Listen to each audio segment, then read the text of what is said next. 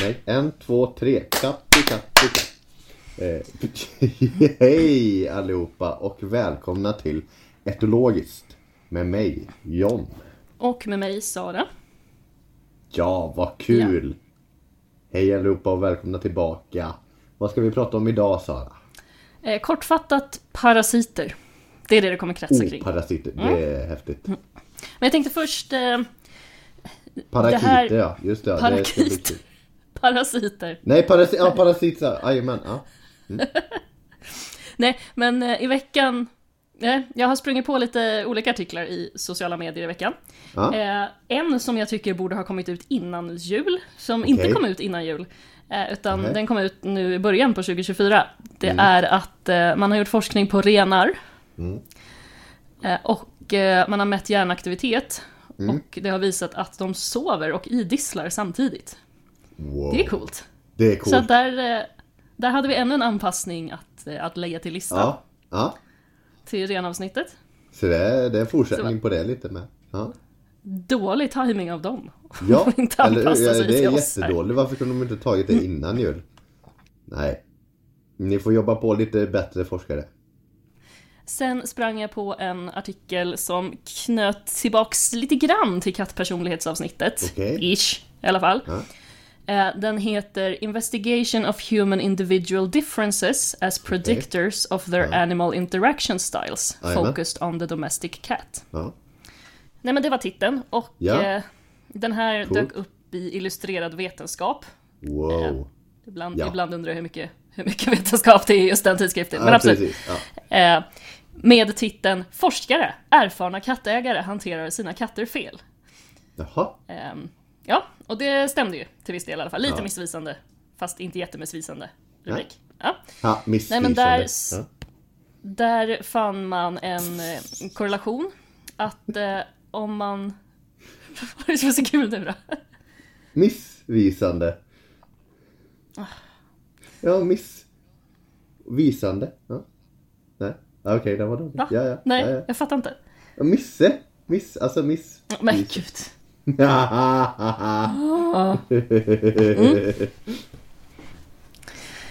Nej, men eh, i den här studien i alla fall så fick folk rita sig själva. Det är återigen först enkät liksom.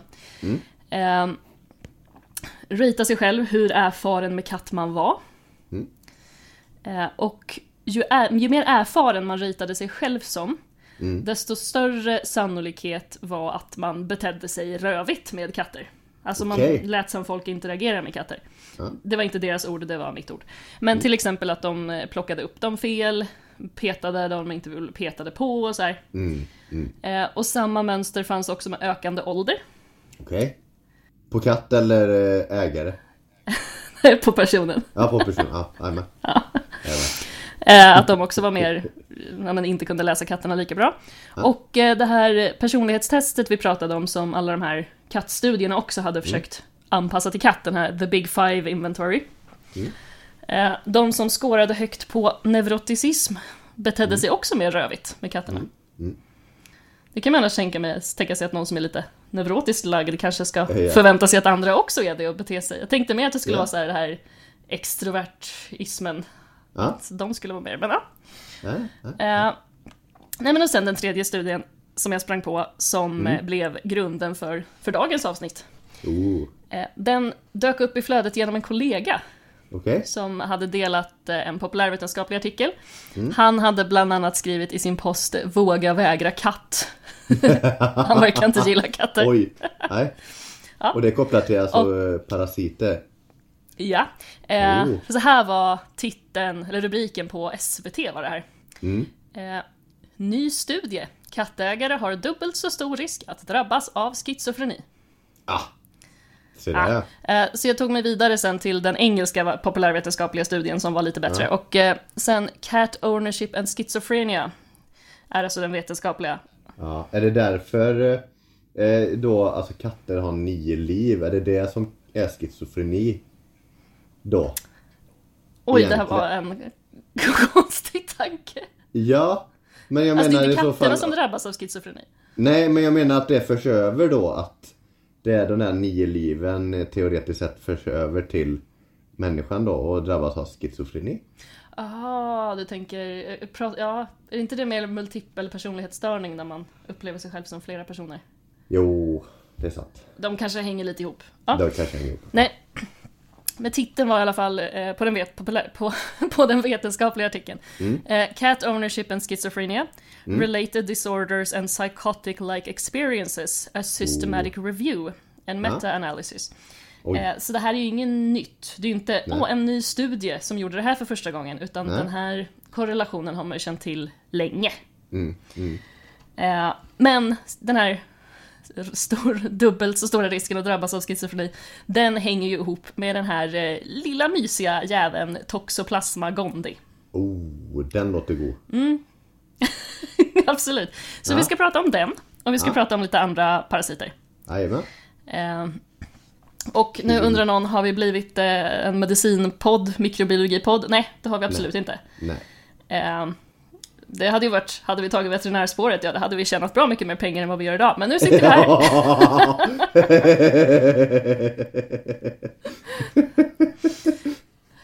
Jag har i alla fall ett halvrelevant jobb. Det, ja. ja, jag sitter bara på Va, vad statlig menar du lön. med det? Att jag inte har eller? Vad? Det har du ju inte. Vad- inte till det du pluggade. Nej. Ja, okej. Men du kan tala om för mig vilken öl jag ska köpa och det är Ja, inte den här. Men det, Sant. det, är, ja, jag, är- jag är märkesneutral. men inte i dagsläget är det ju inte det. Nej. Men eh, nej.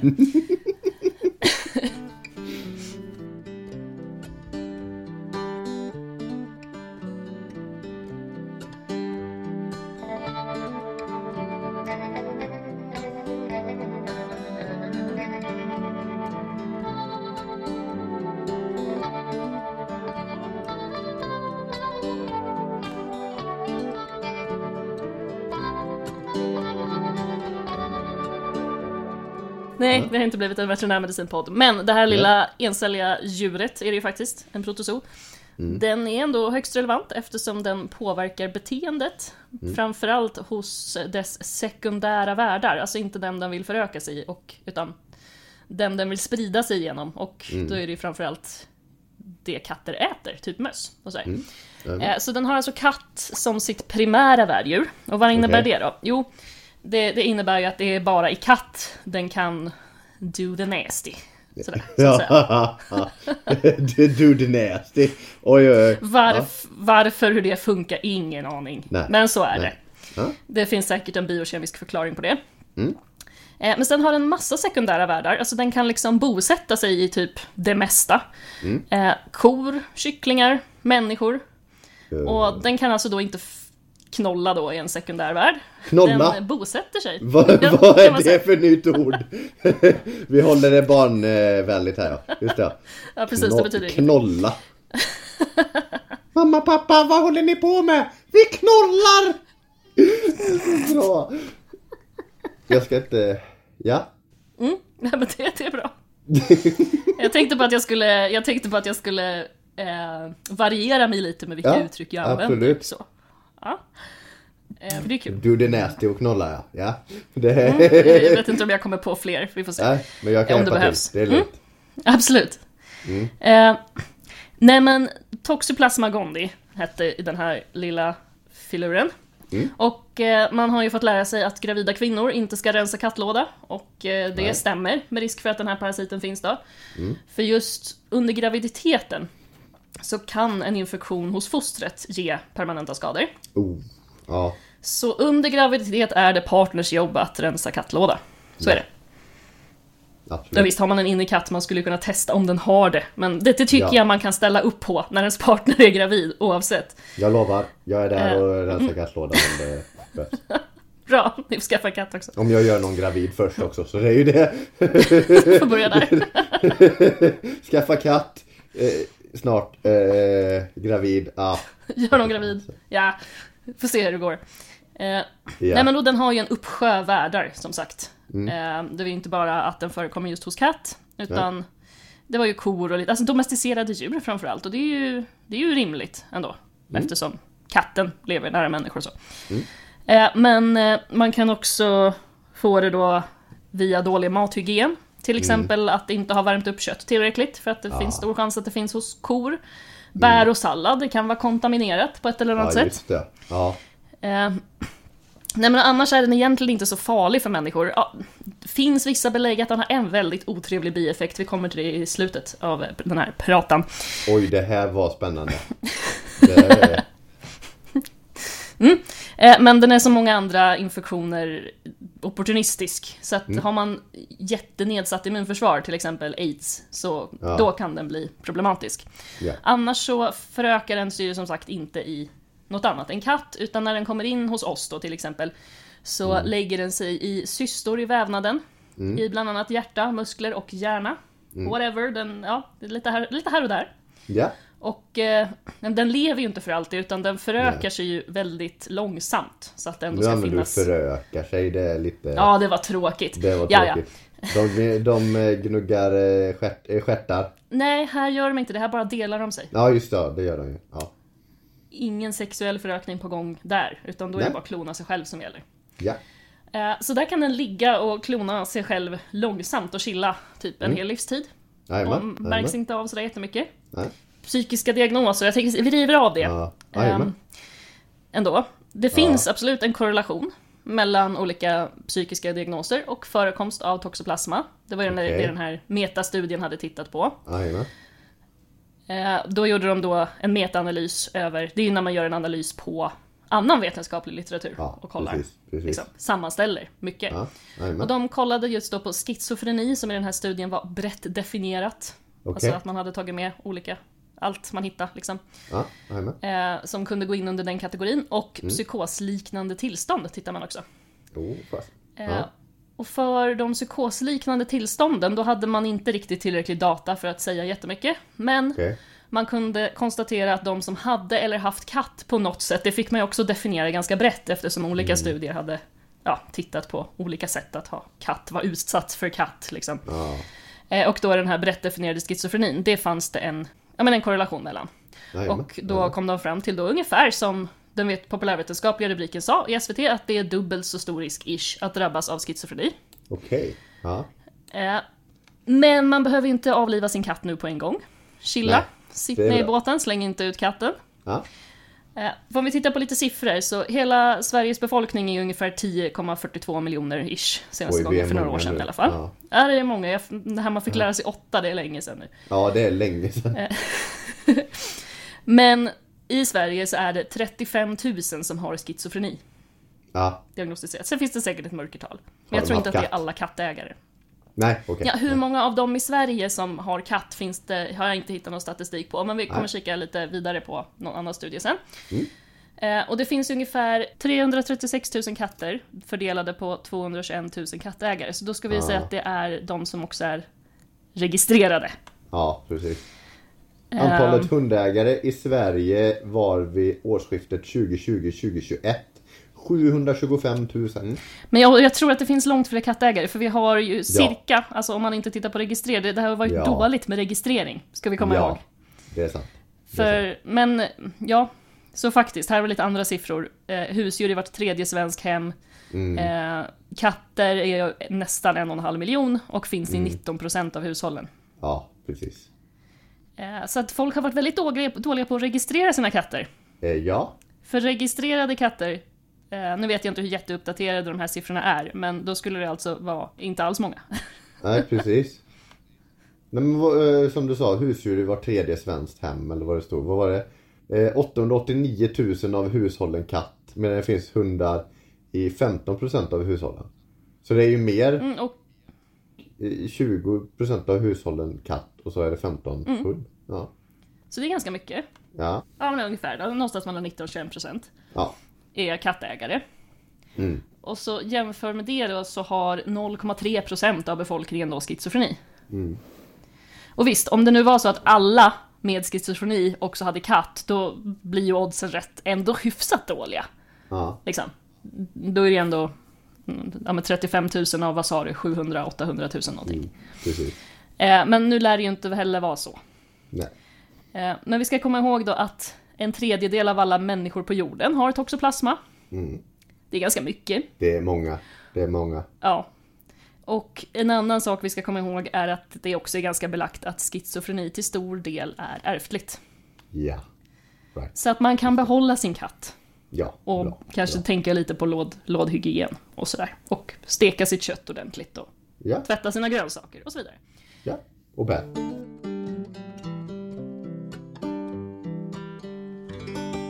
Nej men för att lugna folk lite mer och Mm. så här, nej du behöver inte slänga ut din katt. Morsan, slä, släpp inte katten från balkongen, du behöver inte. Snälla du. Ja, bra. Släng inte in den i ugnen.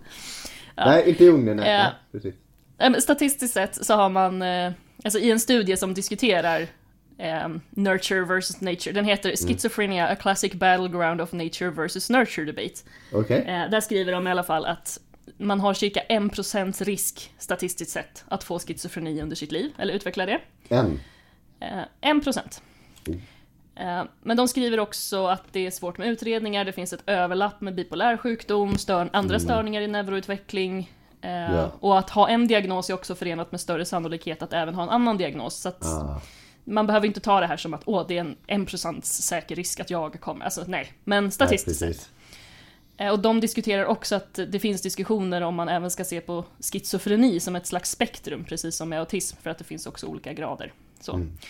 Eh, Men hur som, eh, så det är inte bara toxoplasman, utan det är massa annat. Eh, Schizofreni inom familjen är en hög riskfaktor, och då är det ju återigen gener versus uppväxt etc. Eh, Men oavsett i alla fall, så är man 50% släkt, det vill säga förälder, barn eller helsyskon eller sådär, Mm. Eh, om man då har en 50% släkting som har schizofreni så är ens egen risk statistiskt sett 10% Okej. till Ja. skillnad från den här 1% då, Mm. Eh, som var populationsnivå. Mm. Eh, så har du en förälder med schizofreni, cirka 10% risk att du drabbas. Okej. Har du en enäggstvilling, alltså någon som delar allt ditt DNA, Ja. så är din e- som får schizofreni, Ja. eh, så har du en risk på 40-50%. Ah. Så att det är inte 100%, alltså det är absolut genetiskt men miljön spelar in. Men... Okej. Men om den har schizofreni. Mm. För annars skulle ju båda Annars skulle ju alltid båda enäggstvillingarna ha det, men så är det Ja, inte. Men du okej, löper nej. 40-50% risk statistiskt sett om Okej. din enäggstvilling har det. Jajamän. Jajamän. Och man har hittat vissa specifika mutationer hos vissa familjer. Okej. Men då är det också olika i olika familjer och det allra troligaste är att det är flera gener som spelar in. Ja. Jajamän. Och tittar man då på enäggstvillingarna så även miljö. Så att både Ja. gener, miljö och lite toxoplasma. det, så att, eh, nej, nu, nu tar vi det lite lugnt. Ja. Ehm, andra riskfaktorer förutom toxoplasmos, Ja. eller att ha en enäggstvilling som har det, det är att eh, migrera. Alltså typ flygkrig och okej. åka till ett annat Ja. land. Då är också troligen stress en utlösande faktor. Ja. Alltså du kanske behöver vara genetiskt predisponerad men Ja. att andra utlösande faktorer liksom. Ja. Det är också större risk om du bor i en stad. Ja. Man har bara kollat här på i-länder. Mm. Eh, men jämfört med landsbygden i ett i-land då. Ja. Eh, Så troligen, de tog upp stress, så ja, så här Ja. som spelar in. Trauma i barndomen ökar risken. Att röka cannabis. Att ens pappa är gammal när man blir till. Det är tydligen välbelagt. Okej. Eh, mammans ålder inte lika välbelagt, men spelar också förmodligen in. Oh. Miljön i livmodern, svält under fosterstadiet. Att födas under vintern eller tidig vår ger Åh, hö- högre risk för Ja. schizofreni. Och såklart infektioner under foster, fosterstadiet, till exempel toxoplasmos, men även typ influensa. Ja. Så att ja, det finns korrelationer. Det har varit belagt i flera metastudier än den här också. Ja.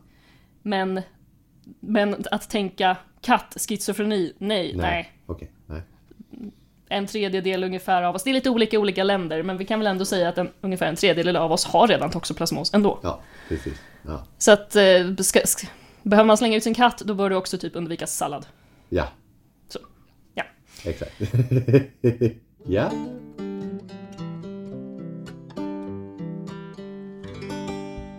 Så det var det om schizofreni.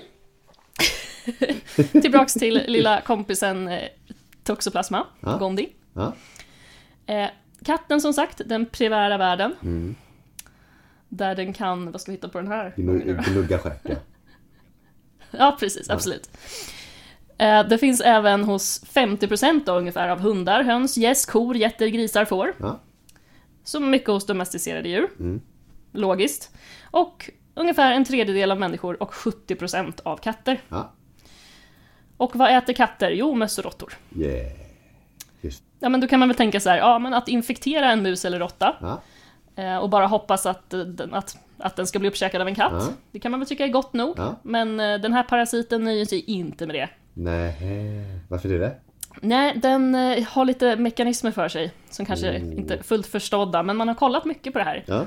Så för att fullborda sin livscykel Mm. så behöver den komma tillbaka till en katt. Alltså, det finns ju i kattbajs för att den har förökat sig i kattbajset och sen Ja. sprids den ju liksom vidare därifrån. Precis. Det är inte jätteofta en katt äter kattbajs. Till skillnad från hundar som Nej. äter hundbajs och så. Precis. Och Men det finns ju inte kattbajs. heller i hundbajs för att den är inte en... Hundbajs är inte farligt för Nej. den är inte en primär, primärvärd. Så Precis. där kan du liksom inte få det. Nej. Eh, nej men så för att fullborda sin livscykel sen, då behöver den ju komma tillbaka till en katt. Mm. Och eh, det här, eh, alltså det är inte så sexigt den här förökningen heller. Jaså? Utan det är liksom bara två som, har, som inte har samma genetiska material. Alltså de klonar sig ju också. Ah, just Så då ska man hitta någon som inte har samma gener som en själv. Eh, och sen så sätter de liksom bara ihop sig med typ ja, men nu, ja, cellväggen. Det är ett encelligt litet djur och så byter Ja. de lite material och så är det klart. Så det är inte intressant eh, att kolla på toxoplasm med porr då? Nej, Nej, okej. Jag hittade inget på YouTube på just eh, toxoplasma men på någon annan liten encellig grej. Det var, så, det var Hittade inte du det på Pornhub då? YouTube. Jaha, Youtube. Jaha, okej. Ja, Jag ja. har, jag har inte försökt söka på, på protozoer som parar sig på Pornhub. Jag vet inte, det är väl ändå, jag, jag kan inte, jag kan inte porrsajter. Nej, okej. Men det känns, som, det känns ändå som en av de som är liksom mest välordnade. På no, alltså, Ja. Jag har ju hört att det finns jävligt mycket skit där, men är Ja. tidelag gångbart där liksom? Eh, Skulle det här möjligen gå in under zoofili? mig. Nej, sant. Du är nog den sämsta snubben att fråga om porn. på. Pornhub generellt, eller nej. Ja, nej, det är det nog inte. No jag comment. kände dig rätt. Nej. jag klipper bort lite av det här tror jag. Jaså? Det här är guld.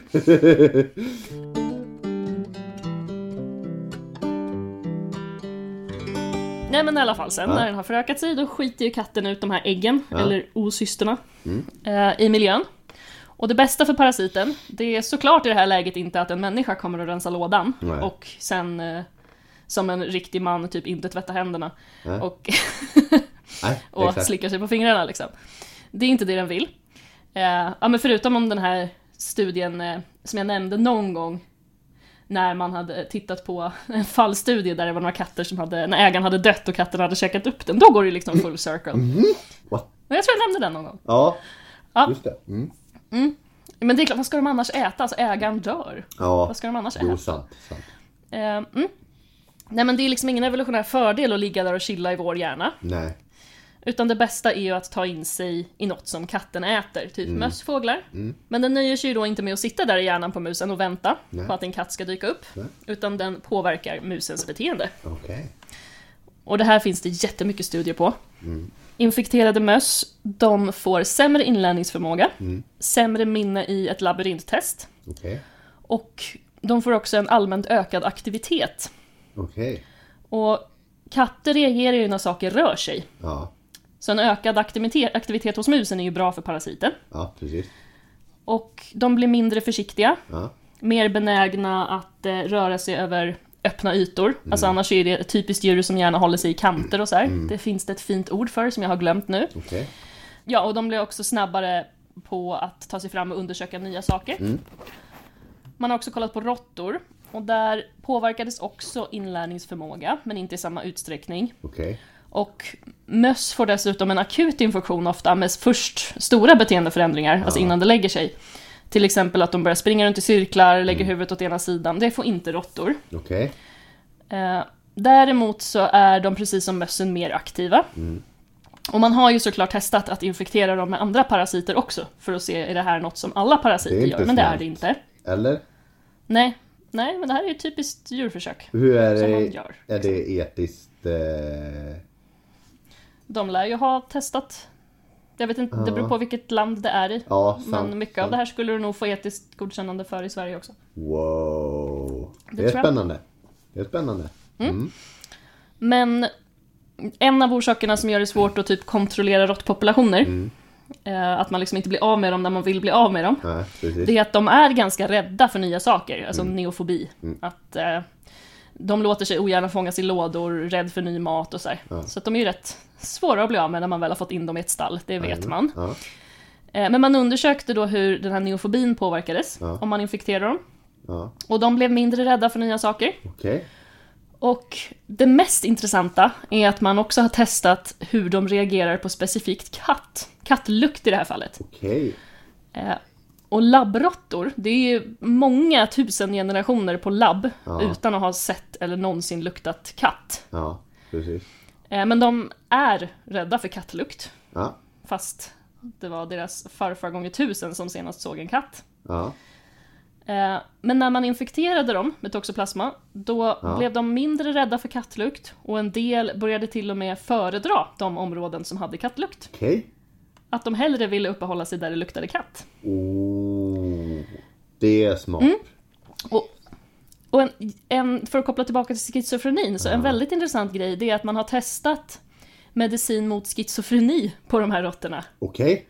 Och alltså samma medicin då, det finns lite olika och Ja. några funkar bättre än andra.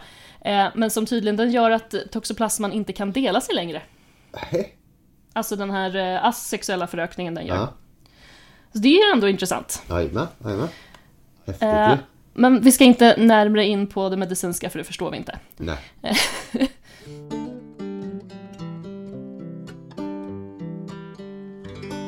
Det är inte bara toxoplasma som påverkar beteendet hos sin värld. Okej.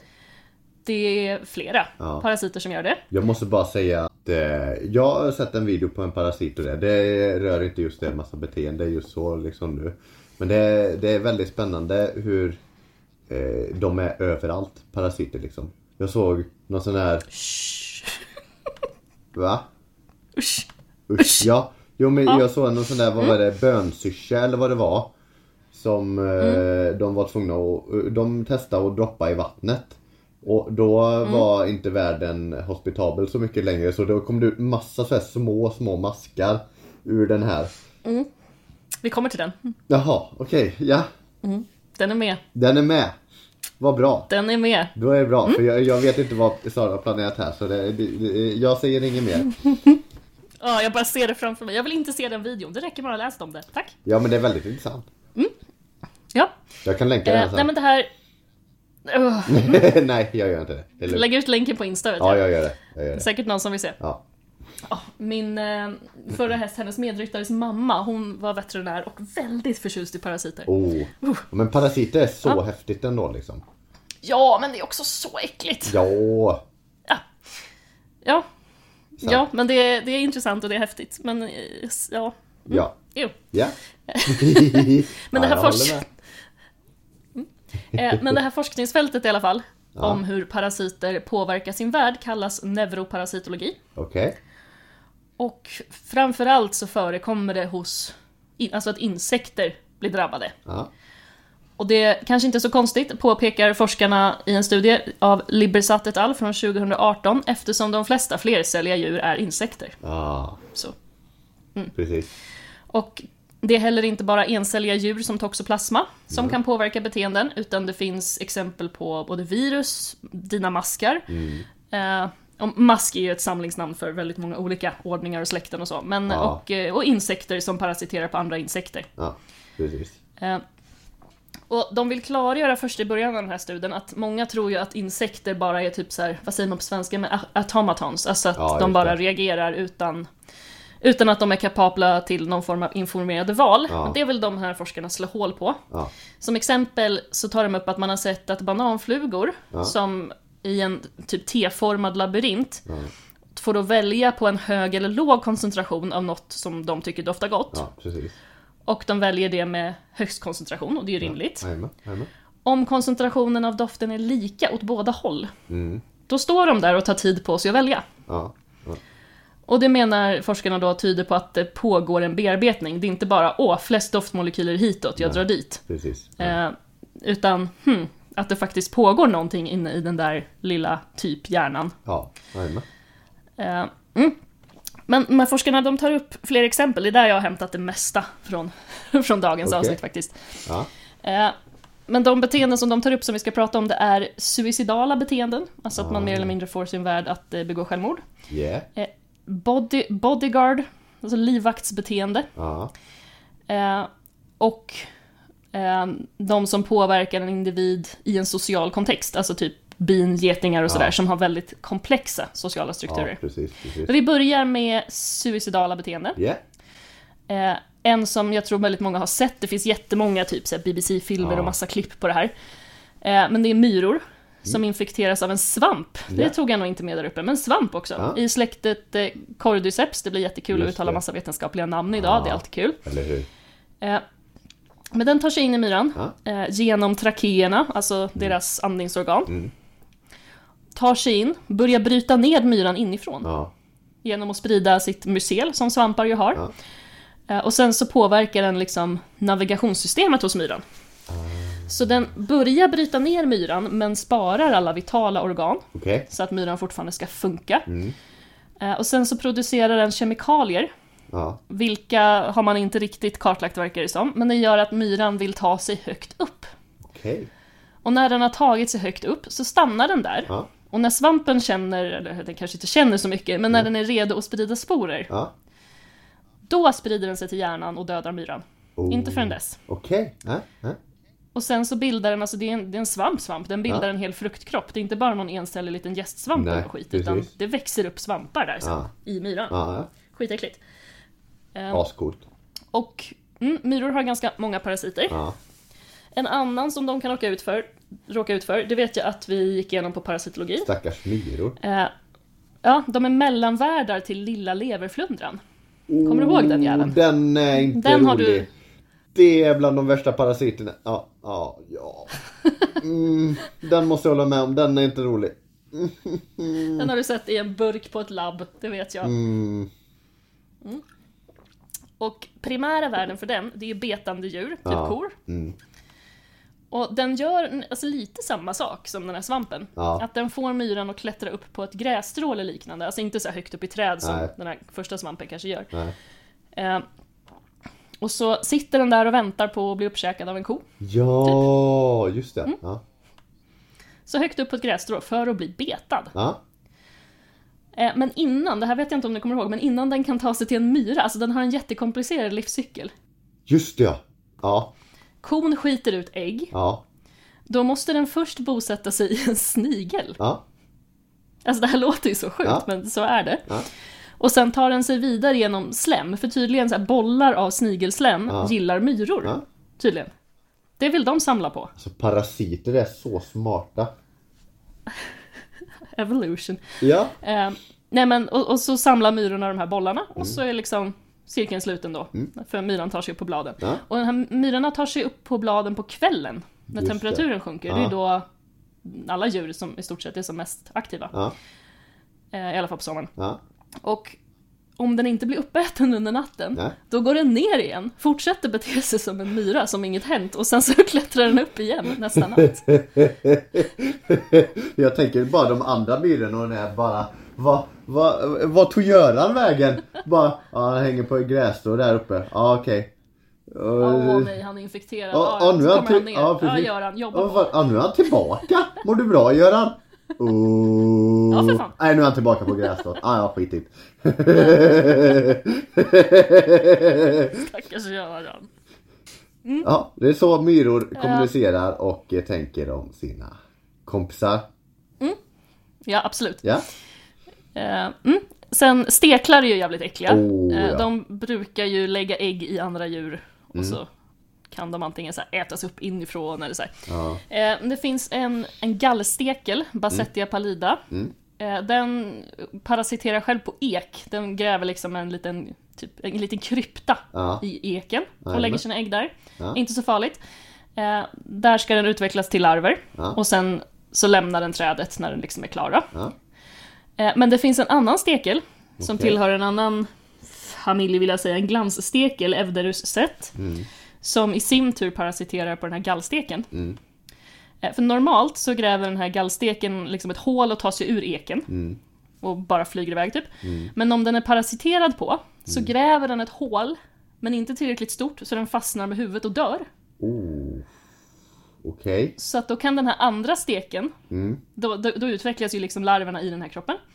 Ja. Eh, Så då snyltar den ju både på hålet och den här kryptan som den andra har grävt. Och så får den ju också näring till larverna. Ja, precis.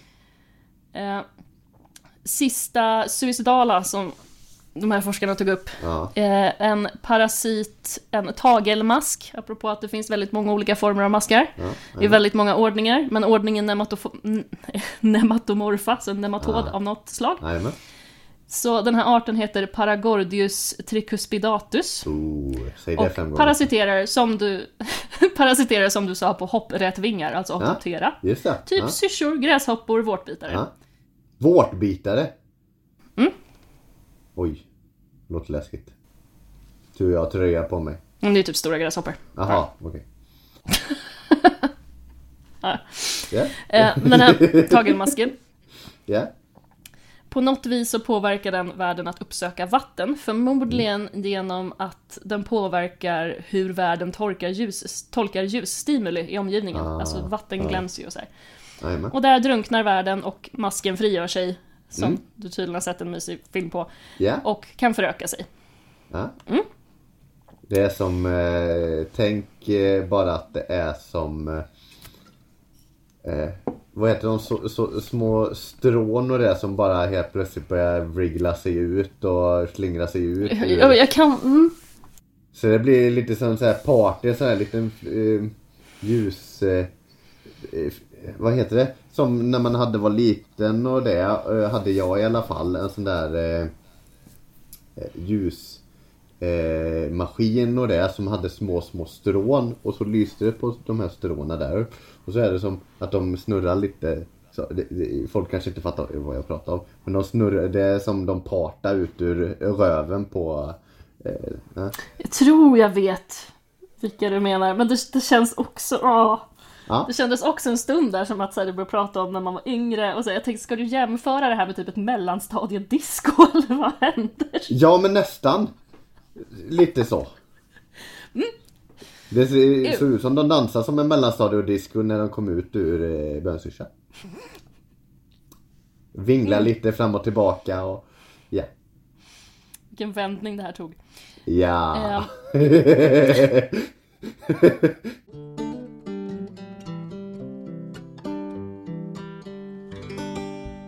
Ska vi gå vidare till livvakterna? Den här kategorin är Ja. ganska cool. ja, det kör vi. Ehm, mm. Och det handlar ju då ofta om att man ska få någon annan att skydda sin avkomma. Ja. Och nu pratar vi alltså inte om eh, bonusföräldrar, utan nu det är lite annorlunda.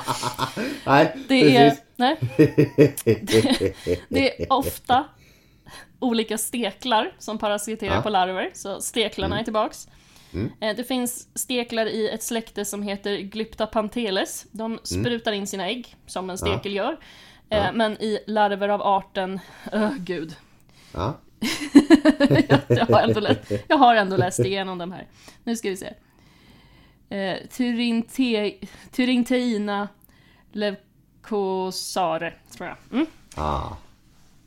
Är det den där, eh, nu börjar jag flyga precis här. Har du en trollstav hemma eller? Jag börjar sväva ovanför marken här nu när du sa det.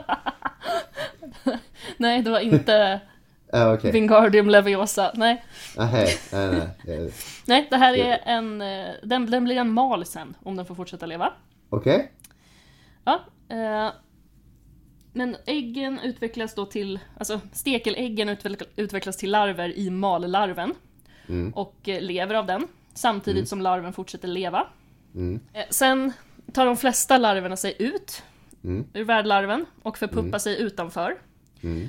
Eh, och många av stekelparasitrelationer slutar här med att värden dör, men Mm. inte i det här fallet. Nej. Så istället så slutar den röra sig och den slutar äta. Mm. För några stekellarver har stannat kvar i mallarven. Alla Oh. har inte tagit sig ut och förpuppat sig. Nej. Eh, så att de får den liksom att stå kvar där och slå fram och tillbaka med kroppen. Alltså Mm. typ ett så försvars... När andra insekter kommer i närheten. Nej. Så att den liksom försvarar stekellarverna. Ja. Ja. Eh, en liknande relation, det är en annan stekel, eh, Dinocampus coccinelle och Ja. nyckelpigan eh, Colomegelia maculata. Columegilla maculata. Ja. Eh, och istället för typ, alltså den här innan, den steken typ sprutade in typ 80 ägg i den här malarven. Den här lägger bara ett ägg i nyckelpigan. Okej. Eh, och larven, den tar sig sen ut. Så det är ingen som stannar kvar. Nej. Eh, och så förpuppas den utanför, men nyckelpigan är ändå kvar. Fast det inte finns någon parasit kvar. Förpuppas. Det är ett äckligt ord. Ja. Eh, det är det. men nyckelpigan, precis som malarven, så står den också liksom kvar och slår med kroppen och vaktar. Oh. Och man har sett att, och då är det bara en larv liksom den vaktar, men man har sett att puppor som vaktas som nyckelpigor, de har en överlevnadschans på 65%. Okej. Ja. Medan puppor där nyckelpigan antingen, antingen har dött och bara står där, eller inte har Mm. någon nyckelpiga, då har de en maximal sannolikhet för överlevnad på 15%. Oj. Så det här har ju evolutionärt blivit en grej liksom. Ja, precis. Men det fanns ju ingen parasit kvar i nyckelpigan, så vad fan stannar den kvar där för? Nej, Jo. eller hur? Ja, stekelarven lämnar kvar ett virus i nyckelpigan. What? Så precis innan den ska lämna nyckelpigan så börjar det här Ja. viruset föröka sig jättemycket. Okej. Eh, Så dels så orsakar det i sig en form av neuropati, alltså att nerverna Ja. påverkas Ja. jättemycket, och ett starkt immunpåslag på grund Ja. av att viruset eh, förökar sig så mycket. Och Ja. då uppstår de här ryckningarna som nyckelpigan får. Ja. Och så länge det är den här arten, eh, Columegilla maculata, så överlever Ja. 25% av nyckelpigorna det här. What? Ja. Eh, den kan parasitera på andra nyckelpigor också, då är det inte lika Ja. hög överlevnad. Men Nej. så att den kan, den kan ändå klara sig sen, när den Ja. besegrar viruset liksom. Det är Jajamän. lite sjukt. Ja, ja. Eh, Ascool typ. och sen har vi, ja, sen har vi inte riktigt samma relation, men lite liknande. Det är larver av eh, Narutura japonica. Ja. Den har inget svenskt namn, men den är jättefin. Den heter Japanese Oak Blue på engelska. En- Den blå svartvingad jättevacker fjäril. Ja. Eh, Den utnyttjar myror av arten Okej. Pristomyrmex punctatus. Ja. Så larven tar sig in där och bor bland myrorna. Mm. Och eh, förser dem med ett sekret som är rikt på socker. Och då kan man ju tänka först att ah, men det här är ju bara en som mutualistisk Ja. grej. Att eh, ja, men jag får vara här om jag ger er mat och att Ja. det bara är bra för alla.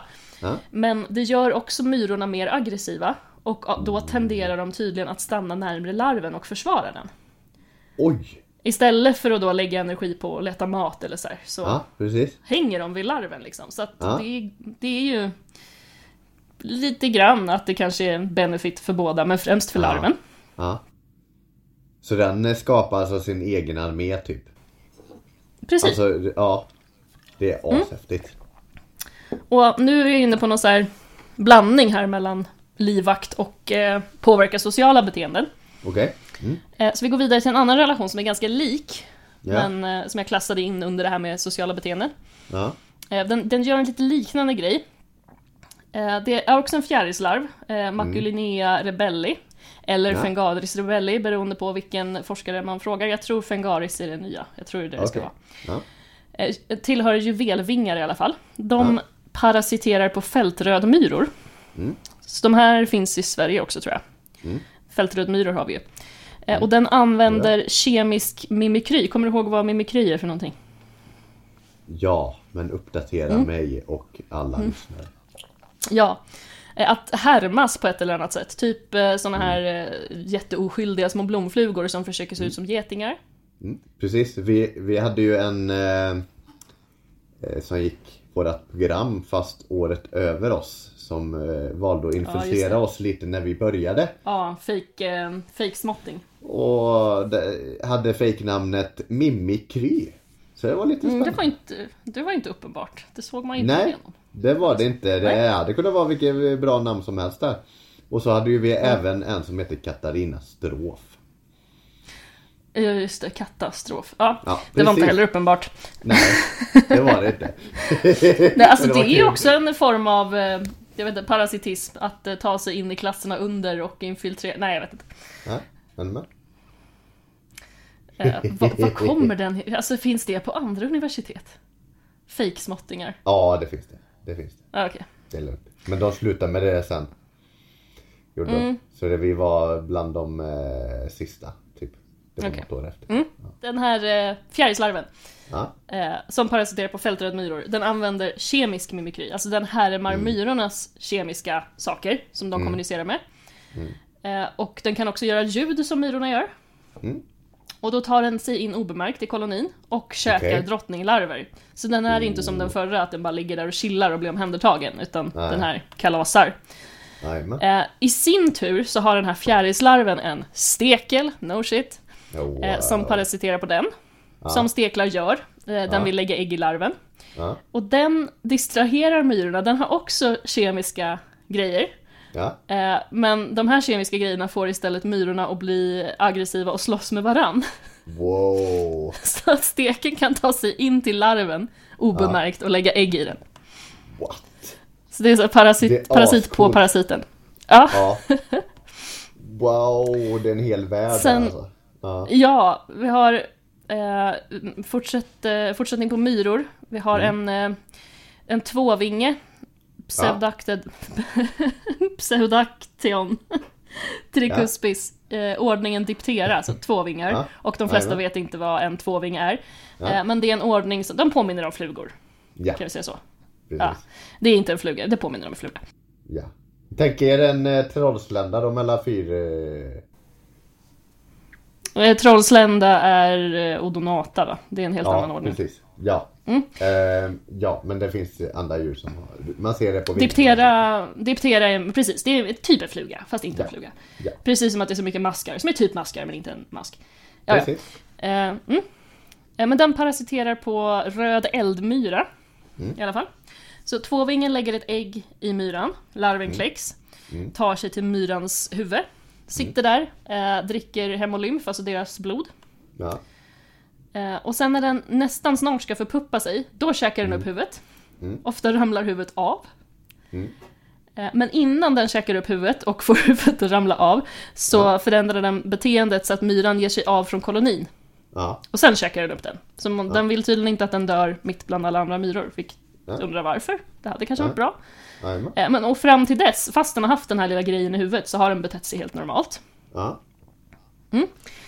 Okej. Sen har vi en, eh, en liten filur som heter Xenos vesparum i ordningen Strepsiptera, vridvingar. Det är också Okej. typ flugor. Ja. Alltså en entomolog hade ju hatat oss, men Ja, typ precis, flugor.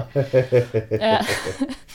Den parasiterar på huspappersgeting. Det är en social geting som bygger bo Oh. Ja. av papper som den blandar med saliv, därav namnet. Ja, vad Så den fint. har ju liksom anpassat sig till oss typ. Jajamän. Eh, vridvingen tar sig in under skalet och sen sitter den där. Alltså det är inte Mm. Okej. en liten parasit, de syns. Nej. Ja. Eh, och den sitter där och eh, snyltar på hem- hemolymf, alltså blodet. Ja. Eh, men den får också pappersgetingen att ändra beteende och den börjar lämna kolonin. Ja. Eh, alltså ett normalt beteende av de här det är att vissa honor, eh, gines kallas de för på engelska, Ja. eh, de övervintrar. Så de liksom samlas i vinterkolonier medan, medan Ja. arbetarhonor inte gör det. Okej. Eh. Men om den här infekterar en arbetarhona så börjar den bete sig som Mm. en gine. Alltså, Mm. Ja, de som får föröka sig liksom. ja, precis. Eh, och de här som ska föröka sig till nästa säsong, de ska ju lämna boet, forma en Ja. samling inför övervintring och den här parasiten hijackar det här beteendet. Ja. Får den här getingen att samla sig med andra infekterade getingar. Oh. Och då kan parasiterna, alltså deras hanar och honor kan föröka sig Ja, vid de här samlingarna då. så de är liksom förberedda för en orgy. Yes! Ja. Ja, och de Ja. eh, arbetarhonor som har infekterats av en vridvingehane dör, de är liksom klara sen. Mm. Ja. Medan de som har en vridvingehona, de Mm. fortsätter leva, men blir lite zombieaktiga. Eh, Mm. Fortsätter liksom äta och leva, tar sig sprängfyllda av larver tillbaka till kolonin och Ah. sprider till andra honor.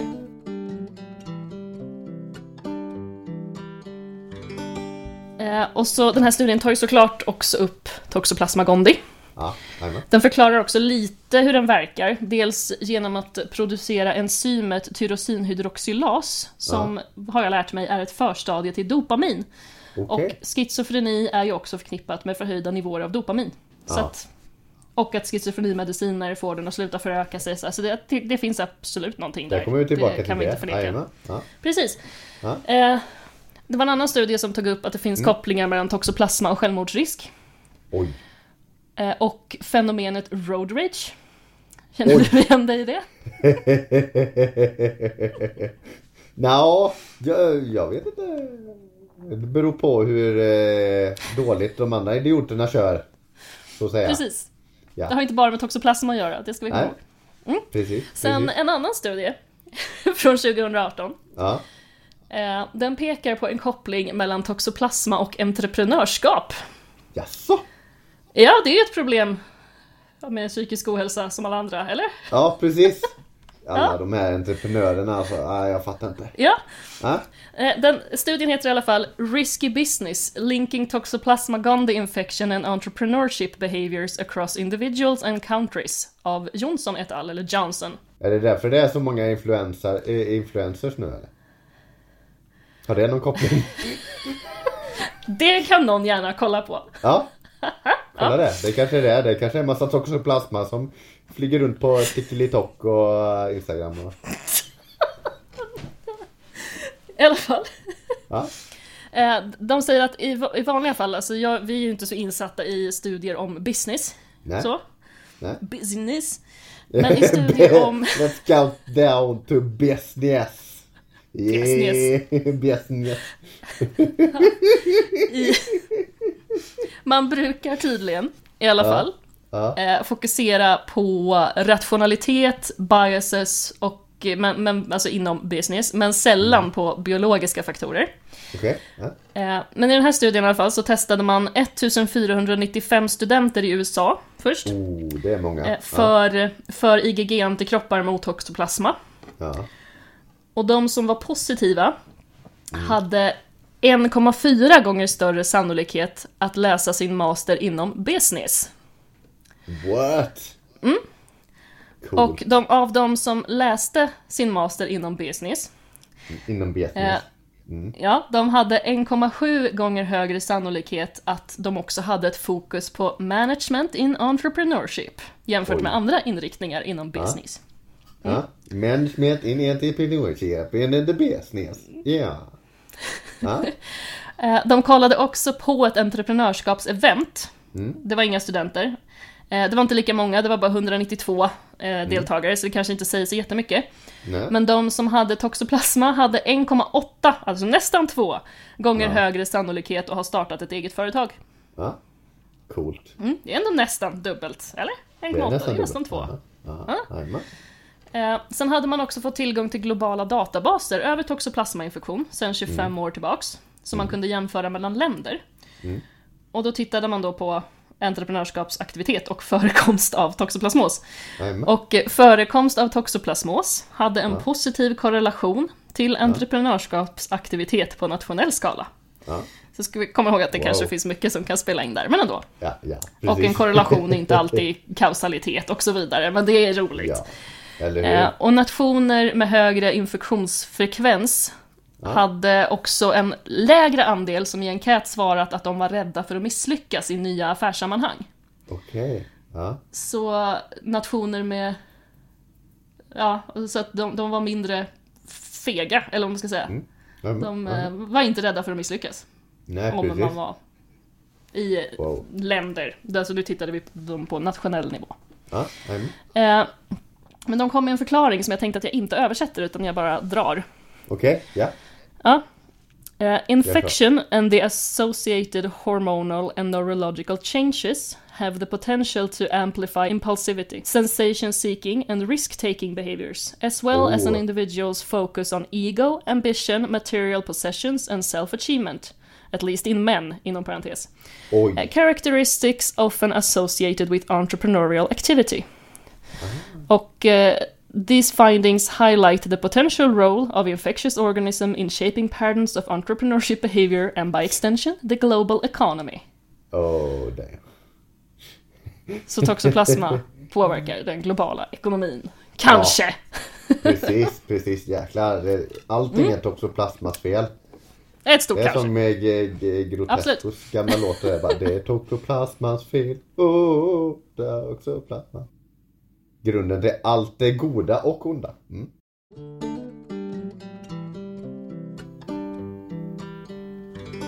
Nej men det var ju det. Det började alltså med en populärvetenskaplig artikel i SVT. Mm. Eh, och jag känner att om det här med schizofreni Ja. och toxoplasma. Jag skulle vilja be SVT att nyansera det här lite. Alltså ja, det är väl absolut folkbildning. Ja, Eh, dubbelt så hög risk. Sen tog vi inte upp att det var genetiskt också, men absolut.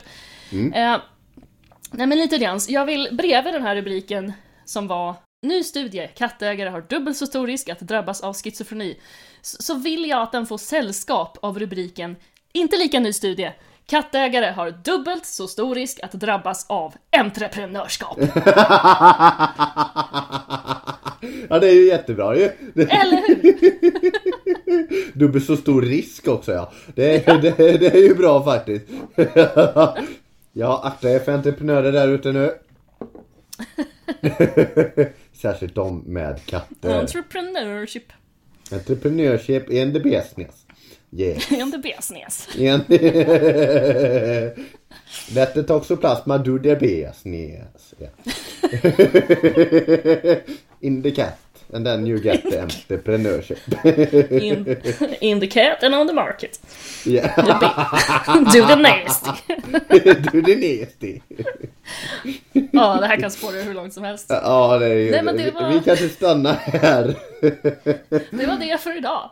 Ja, jätteintressant. Alltså i parasiter är ju ascoolt så jag sa, och äckliga. Du, jag vill Mm. att du ska reagera på den bilden jag skickar i chatten nu bara. Ja, den lampjäveln. Ja, ja. Ah, Så ser ja, men jag tänkte sen att det var det den menade, men jag, Ja. jag var liksom inne på så här stråber och liksom, jag bara ljus, ja, Ja. nej, det verkar vara mellanstadiedisco han beskriver alltså. ja. Jo då. Eller så kan jag... Jag, jag tänkte att du skulle säga att du ville ha live-reaktion på när jag tittar på den där syrsan. Jaha, det kan vi också göra faktiskt. Ja, Det absolut. kan vi faktiskt göra.